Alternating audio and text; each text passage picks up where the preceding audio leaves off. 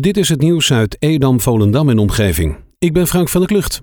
De KNVB start vanaf de komende speelronde een pilot waarin je een extra wissel mag doorvoeren wanneer het vermoeden bestaat, wanneer het vermoeden bestaat dat de speler een hersenschudding heeft. De pilot wordt gehouden in de ere- en eerste divisie. De extra wissel komt bovenop de vijf wissels die dit seizoen zijn toegestaan.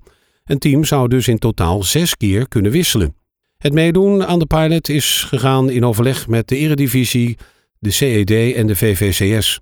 Naast de ere- en de eerste divisie vindt de pilot ook plaats in het toernooi om de KVB-beker. De komende Tweede Kamerverkiezing gaat de gemeente Edam-Volendam voor het eerst gebruik maken van een voorbedrukte verkiezingsborden. Deze zogeheten trotters zijn een mooie oplossing voor de verouderde houten constructies die eerder dienst deden als verkiezingsborden. Een trotterverkiezingsbord heeft de duurzaamheid en uitstraling van hoogstaand straatmeubilair. Daarnaast zal er minder vervuiling zijn door rondslingerende verkiezingsposters. Burgemeester Bijl heeft op dinsdag een drugspand aan de Koggeland in Purmerend voor zes maanden gesloten. In het pand is een hennepkwekerij aangetroffen. De burgemeester is volgens de opiumwet bevoegd om over te gaan tot het sluiten van een pand. Dit mag alleen voor bepaalde tijd en als er sprake is van de aanwezigheid van drugs boven de normen voor eigen gebruik. Het besluit van burgemeester Bijl betekent dat de huidige gebruiker en anderen het pand voor zes maanden niet mogen betreden.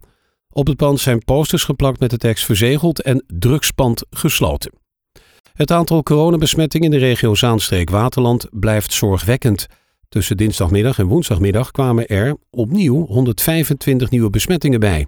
De lockdown en de avondklok lijken niet veel invloed te hebben op de cijfers in de regio.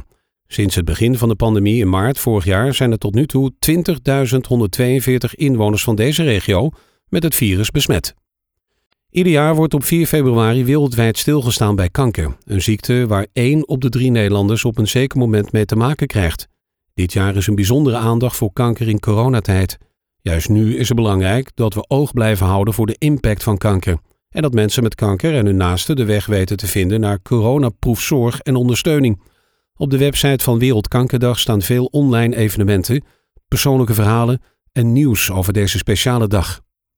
Er wordt langzaam een begin gemaakt met de dijkversterking in Volendam. Dinsdag werden op de tijdelijke loswal, die aangelegd is beneden aan de dijk op het noordeinde, graaf- en grondwerkzaamheden uitgevoerd. Met een vrachtschip wordt een grote hoeveelheid zand aangevoerd. Er komt de tweede laag zand op de loswal die gebruikt gaat worden om het via het water materialen voor de aanstaande dijkversterking aan te kunnen voeren. De klus wordt uitgevoerd door de alliantie Markenmeerdijken. Gisteravond reed een auto de sloot in langs de Wilgenstraat in Zaandam. Het slachtoffer is uit zijn auto gehaald en naar het ziekenhuis gebracht. Hoe het ongeluk kon gebeuren is nog niet bekend. Het voertuig is door een berger uit het water gehaald en de politie doet nog onderzoek. Begin februari start aannemerscombinatie De Poel in opdracht van het Hoogheemraadschap met de bouw van een nieuw gemaal aan de zuidkant van Monnikendam. Het oude gemaal gaat met pensioen.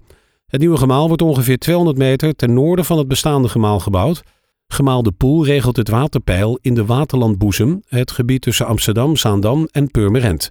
De capaciteit van het nieuwe gemaal wordt 15% groter, kan ook in droge tijden water inlaten en krijgt ook een vispassage. De windmolens op de dijk die naar Marken voert zijn over 5 tot 7 jaar aan vervanging toe. De beherende coöperatie Windenergie Waterland wil ze niet alleen vervangen, maar ook uitbreiden naar maximaal vier windmolens. Er zijn drie scenario's uitgewerkt en er is een enquête opgezet waarin belanghebbenden hun zegje kunnen doen. De gemeente Edam-Volendam volgt ontwikkelingen nauwgezet. De enquête is tot nu door zo'n 500 mensen ingevuld. Wethouder Runderkamp roept mensen op uit de gemeente Edam-Volendam om de enquête alsnog in te vullen. Tot zover het nieuws uit Edam, Volendam en omgeving. Meer lokaal nieuws vindt u op de Love Kabelkrant, onze website of in de app.